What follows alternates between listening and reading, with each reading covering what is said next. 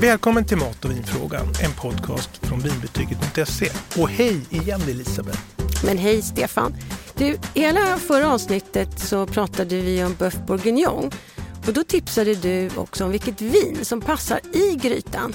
Och det har gjort att nu har vi fått lite fler frågor om just vin i matlagning. Det är ett jättekul ämne, men faktiskt lite knepigt. Vinet har vi ju i maten för att det ska ge smak.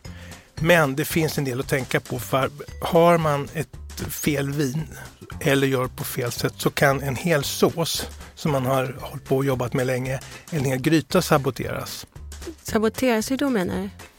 Ja, men alla viner är inte bra som smaksättare. Vissa viner kan ge oönskade bismaker. Vi ska gå igenom längre fram vilken typ av röda viner och vita viner som passar och vilka som inte passar. Det andra när det gäller vin i matlagning, det är doseringen. Det är mycket mer exakt än vad man kan tro. Om jag bjuder dig på ett glas vin så står jag inte med ett måttglas och säger så här. Två och en halv deciliter, varsågod. Men i, nej, men i såsen är det desto viktigare. Mm. Och sen har vi en tredje grej och det är att tänka på det tajmingen. Spännande. Det, det, var många saker, men om vi börjar lite bredare då. Vilken roll har vin i själva maträtten? Vi gillar ju vin av många anledningar. Det är supergott och trevligt och det får oss att koppla av. Men när det är i matlagning då tycker jag man ska se det som en krydda. Inget annat egentligen. Eh, och sen är det så att vinet klarar sig inte på egen hand. Utan det måste samverka med andra smaker. Det kan vara ostlök, grädde, smör och sånt där. Och upp, vinets uppgift är att lyfta huvudråvaran, inte ha någon huvudroll. Mm. Kan man säga att det finns liksom någon viss typ av maträtt där vin brukar ingå? Ofta så är det ju så, om man tittar på gamla vinländer, där har de ju haft vinodlingar runt knuten och då är det ganska nära till hands att man har en gryta som man tycker behöver få lite fart. Mm. Och då tar man det. Och I Sverige och i Norden har vi inte haft vin eller vinodling. Det är väl nu det finns ett antal vingårdar. Och, så vi har inte den traditionen i vårt kök, men det har man ju här. Så det är ju en sak och då har man ju rätter. Det kan ju vara, om du tar då italienska köket till exempel, så har du ju då eh, risotto, saltimbocca vodka och som du brukar mm. göra, pasta vongole och så vidare. Mm. Och franska köket, har vi talat, där finns ju då fisk och skaldjursklassiker som bouillabaisse och mulle marinière, alltså fiskar hustruns musslor. Och sen har vi faktiskt din franska gryta, coq mm ja. ja. Hur gör du den?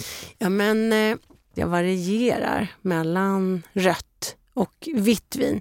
Och har jag vitt vin så blir den ju en klarare, den ser mm. lite snyggare ut. Så om jag har den på våren eller om sommaren, så jag tycker om grytor även på sommaren, då har jag nästan alltid vitt vin. Mm. Och så har jag grönsakerna i botten på tallriken så lägger jag upp det fint. Ja, gott. Så, ja. men kul att ha både rött, eh, alternera mellan rött och vitt. Men då är det alltså så att det finns vissa typer av viner som passar bättre och, och vilken typ av röda viner passar som smaksättare och vilka ska man då undvika? Medelfylliga röda viner passar jättebra, men inte fatlagrade. Varför inte då? Jo, alltså fatlagringen en, en sås eller en gryta den kokar ju och då försvinner vattnet. Ungefär som vi sätter på pastavatten och så mm. glömmer bort det och så bara sjunker det. Och i och med att vätskan minskar så koncentreras smaken. Så fatlagringen blir mycket mer dominant i eh, grytan såsen efter en tid.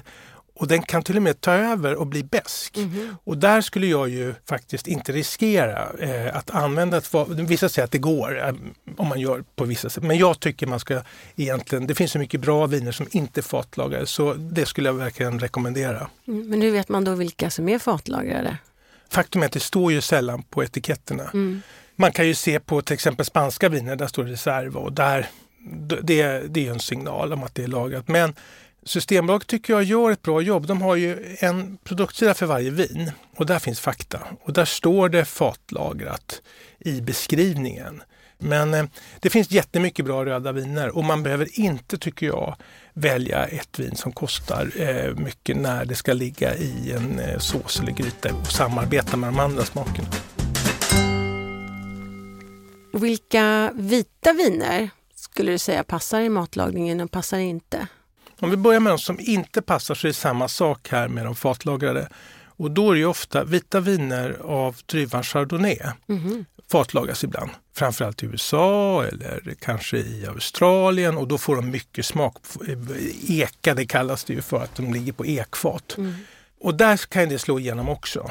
Sen finns det ju eh, chardonnay som är torra och inte. Till exempel Chablis är ju aldrig fatlagrad.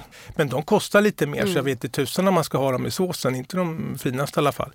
Det andra man ska se upp med när det gäller vita viner i matlagning det är Riesling och andra halvsöta viner.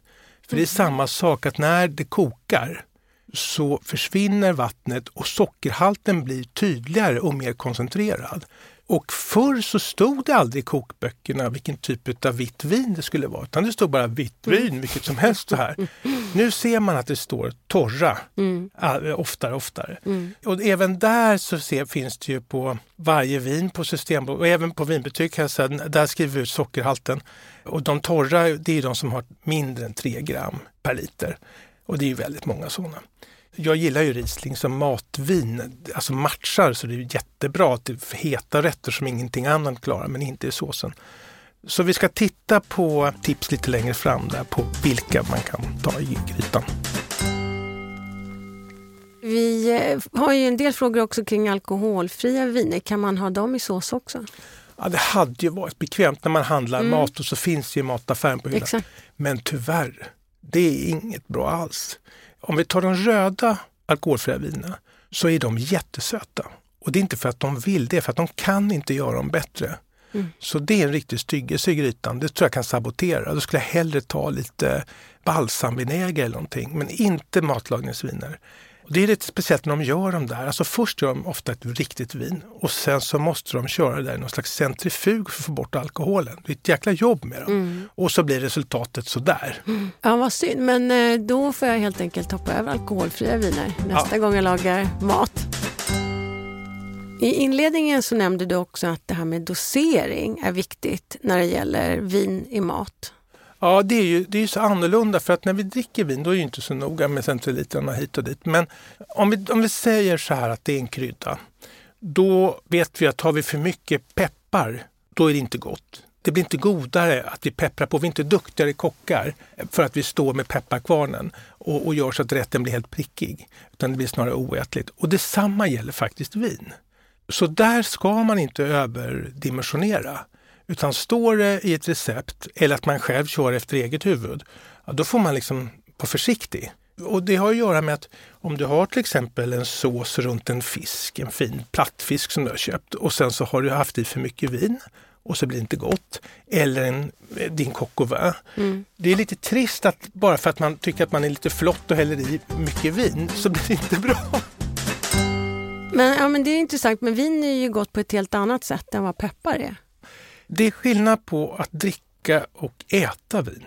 Jag vet inte om, om alltså, det, men det, det, blir något annat. När jag tar en klunk vin ur ett glas och så här, så är jag beredd på det och så sväljer jag den. Men jag har ätit fiskrätter där man har tyckt att nu ska vi med chablis så blir det fint där och då har det blivit oätligt nästan. Mm. Vinet ska inte slå igenom. Rent ut sagt så tycker jag att det kan bli osmakligt med för mycket vin. Överdosera så tänk på det. Du nämnde också det här med timing när det gäller vin i maten. Vad, vad exakt menar du med det?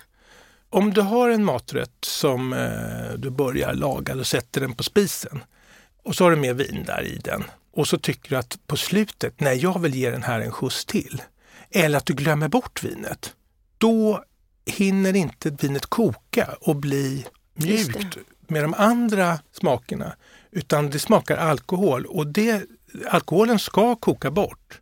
Det ska inte smaka sprit. Det bidrar inte alls. Jag tror att det är det som kanske gör det svårt för att äta liksom, mm. alkohol. Och det här tar sin lilla stund. Så försök inte rädda någonting. Tillsätt hellre något annat som höjer smaken. Tillsätt inte vin i slutet för då kan allt du har lagat hittills gå förlorat. Mm. Ja, det har jag faktiskt inte tänkt på. Inte tillsätta vin för sent, för det blir inget bra. Så vad är då knepet? Kan du inte tipsa om någon enkel bra vitvinsås? Det finns en klassisk sås som heter beurre blanc, mm. ungefär vitt smör. Och jag tycker den är helt fantastisk. Och det är inte för att de här ingredienserna är fantastiska i sig, utan det är att för tillsammans så blir det en, kanonfin sås som man kan variera. Och det är bara att det är vitt vin, det är schalottenlök, finhackad och så är det smör. Och smör är en hjälte i sammanhanget. Alltså det går inte att göra riktigt god mat utan smör mm. hävdar jag. Mager mat blir inte samma sak. Smöret har en förmåga att man brukar prata om att smaker gifter sig, mm. det säger man i matlagningsprogram och sånt där. Men det här med smör, alltså det är det bästa på äktenskapsmarknaden. Mm. Alla råvaror lyfts i stort sett av smör. Och vissa även av olivolja och det här fettet. Och grädde då? Och grädde, mm. absolut. Mm. Så grädde är en annan eh, katalysator kan man säga, mm. smakkatalysator. Så i den här beurre blanc så har man bara då de här och då börjar man med att i en kastrull så har man finhackad schalottenlök och så tillsätter du det här vinet och så låter du det koka ihop, reducera som det kallas. Och då blir löken som är skarp, man gråter ju floder när man hackar den, mm. det är ganska grisigt sådär tycker jag. Men i den här så mjuknar den allt eftersom och sen så tillsätter man smöret successivt, gärna i små kuber så att det hinner tas upp av vinet och, och löken. Och så vispar man så att den är skummig och den ska helst vara vit. Och den är i stort sett klar. Vissa tycker att man kan, ska i vinäger, men jag är ingen vinägerfan utan då hellre ett lite syrligt vitt vin, kanske av druvan Sauvignon Blanc, så behöver jag inte den där vinägern. Och sen kan du ta i då klippt gräslök eller ha forellrom eller mm löjrom. Eller, så det här är en grundsås kan man säga. Mm. Och den går jättebra till fiskar, framförallt vita fiskar. Eh, rödtunga och fjällröd, den går den bra till. Och till, eh, det här kan Kristoffer som är vegetarian lyssna på, det är jättegott till grönsaker. Mm. Beurre blanc. Mm. Och den här roliga Julia Child som vi lyssnade mm. på förra gången, hon har i sin kokbok massor med beurre blanc-recept. Det är liksom som en, en grundstomme. Mm. jag har aldrig gjort en beurre blanc. Jag håller på att lära mig eh, gräddsås och gör lite varianter på det. Ja. Men den här ska jag börja göra nu. Du skrev i den här boken Kockarnas knep som är väldigt bra för hur man ska tänka när man ska laga mat och så. Och jag kommer ihåg att jag läste att du hade någonstans där du skrev om vad man skulle göra om man råkar salta för mycket. Mm. Hur kan man rädda det på något vis? Det... Ja, det där, eh, till att börja med att salta för mycket, det finns ju flera skäl till att man råkar göra det. Det ena kan ju vara att man helt enkelt eh, vippar till för mycket med, med saltkaret. Det andra kan ju vara att man inte riktigt har tänkt på att soja finns sälta i, ost finns sälta i och så koncentreras det här och då blir det mycket saltare på slutet än vad man hade trott. Mm. Alltså har man, råkar man skvimpa i för mycket salt så att det simmar, då tar man ju en sked och fiskar upp så mycket man kan. Mm. Och räcker inte det, då finns det ett gammalt knep och det är att skala en potatis eller två och låta dem koka med ja, i den här grytan eller såsen vad det är och då suger de upp.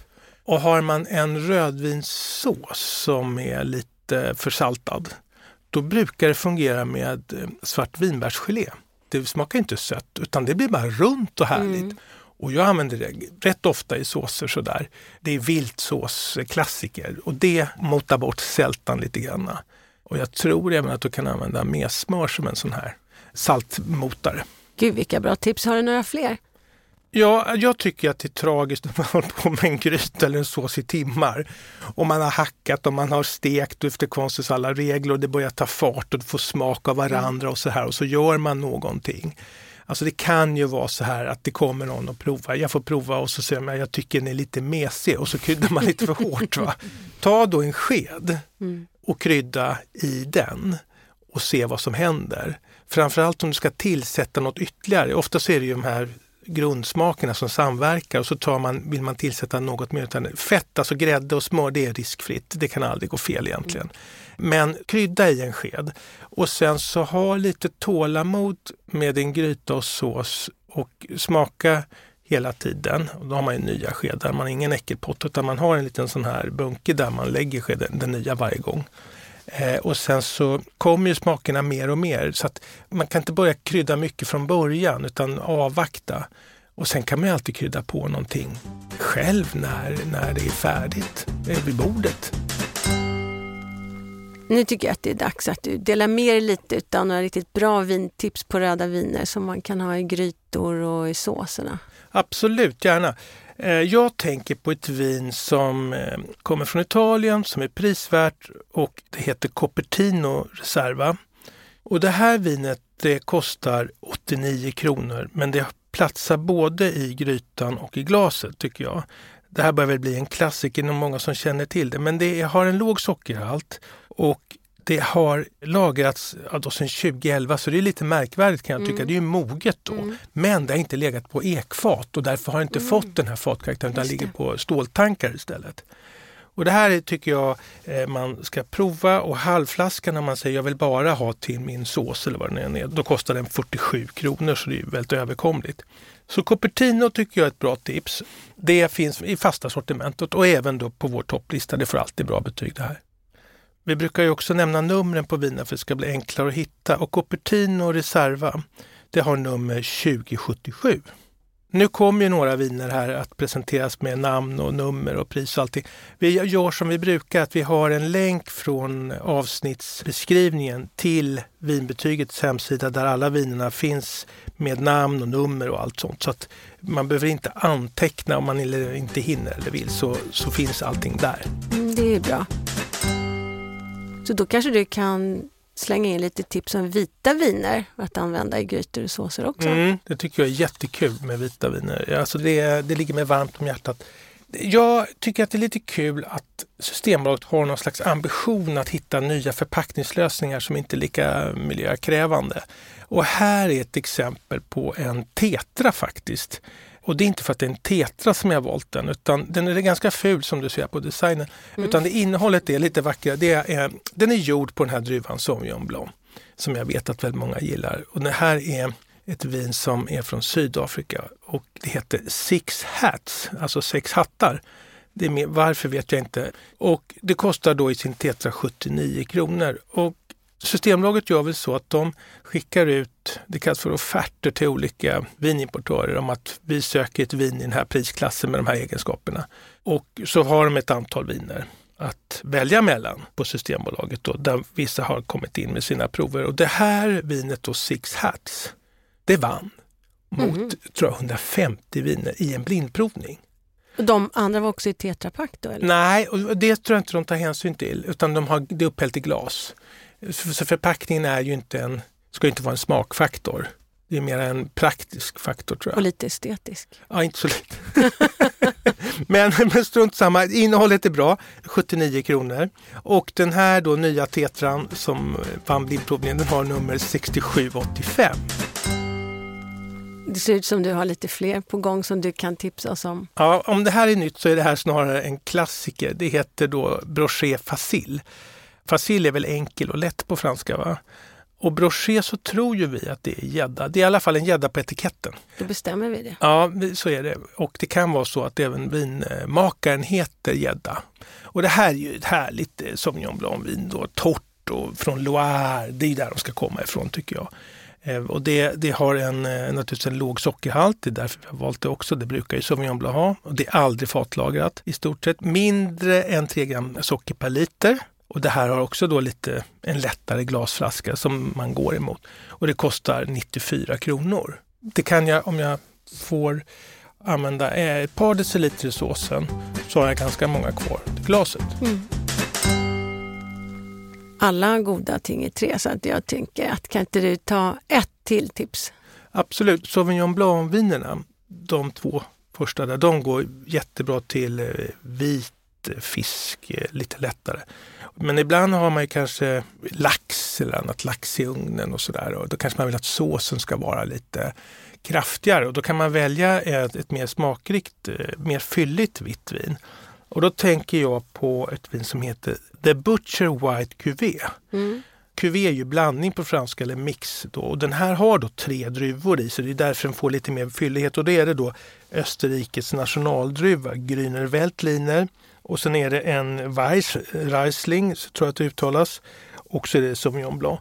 Men sockerhalten är låg, den är mindre än 3 gram som de andra. Så det här tycker jag man ska prova. Och det kostar lite mer än det andra, det kostar 119 kronor men det är överkomligt på alla sätt och vis.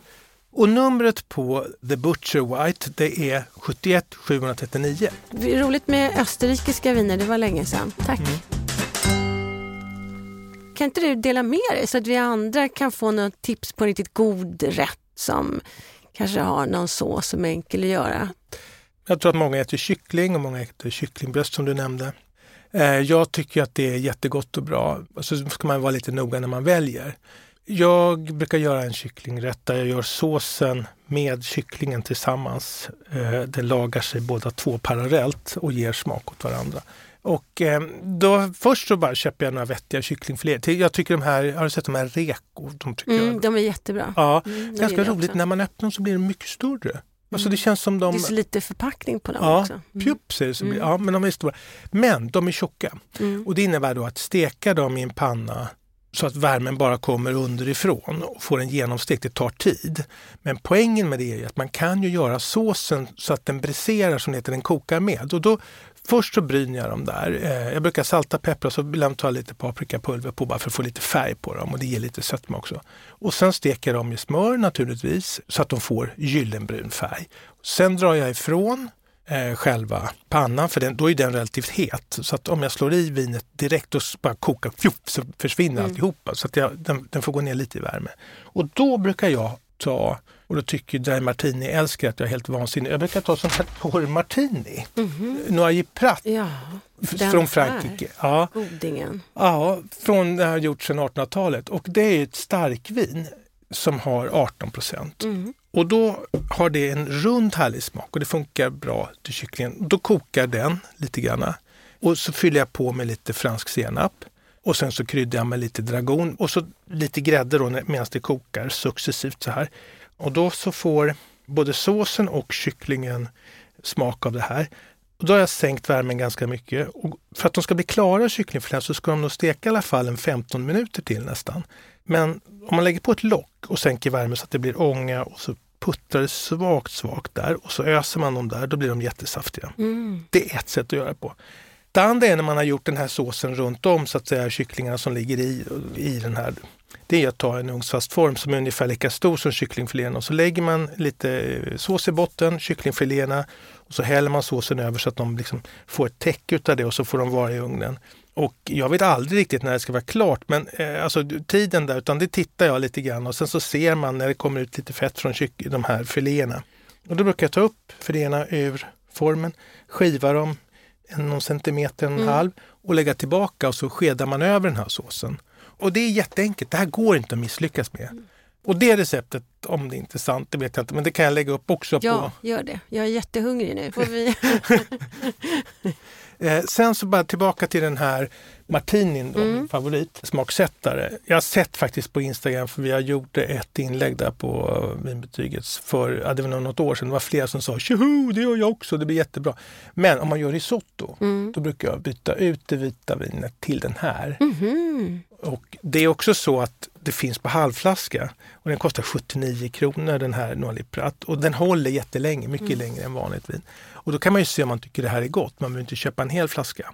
Den hela flaskan kostar 144 och den har nummer 8610.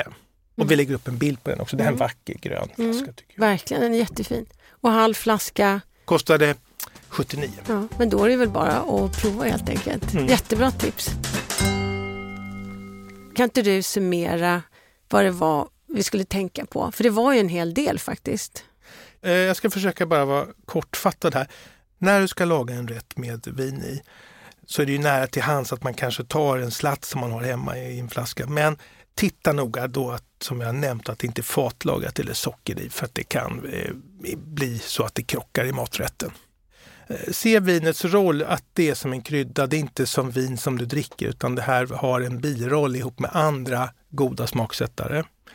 Och sen måste du ju smaka på vinet först lite. Alltså är det inte gott så blir det inte gott i maten heller. Det kan inte liksom gå genomgå någon slags eh, omvandling. Sen så tycker jag att eh, det här är viktigt som vi pratade om att inte tillsätta vinet sent i matlagningen utan det ska vara med från början så alkoholen kokar bort. Och där kan man ju tänka på koka bort, det här med flambera, kommer du ihåg det? Ja, crêpe Ja, ofta så ser man ju på restaurang, det kommer in någon eh, lite pretentiös kock och så har han en stekpanna och så häller han lite konjak i och så mm. flammar upp mot taket mm. så här. Och då försvinner ju alkoholen på ett kick. Mm. Man vill verkligen bränna bort den men man vill ha kvar konjaksmaken. Så tillsätt inte vinet för sent. Och sen det här överdosera inte. Det är som att peppra för mycket, det blir inte gott. Men sen så bästa såstestet det är ju att man smakar medan man lagar. Mm. Och så har man några saker man tror man kan prova att lägga till. Men det brukar bli bra när det får koka länge. Mm. Faktum var att min syster ringde häromdagen från systemet och eh, skulle köpa portvin slog mig nu för att hon skulle använda det till att göra en rätt som vår mamma alltid brukade mm -hmm. laga. En portvin är jättebra. Portvin är bra. Och sherry. Mm. Alltså de här eh, starkvinerna, de är inte så tokiga. Va? Det är väl det att de inte är riktigt eh, så ofta omnämnda. Nej. Men eh, portvin är bra. Mm. Vi kanske får ta ett starkvinsprogram. Ja, absolut.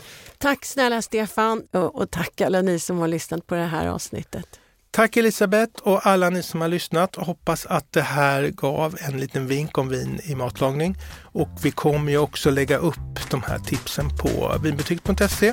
Ha en bra dag. Vi hörs snart. Har du frågor om mat och vin? Alla frågor är välkomna. Maila till mig på stefanvinbetyget.se. Och vill du se viner med höga betyg? Välkomna att titta på topplistorna vinbetyget.se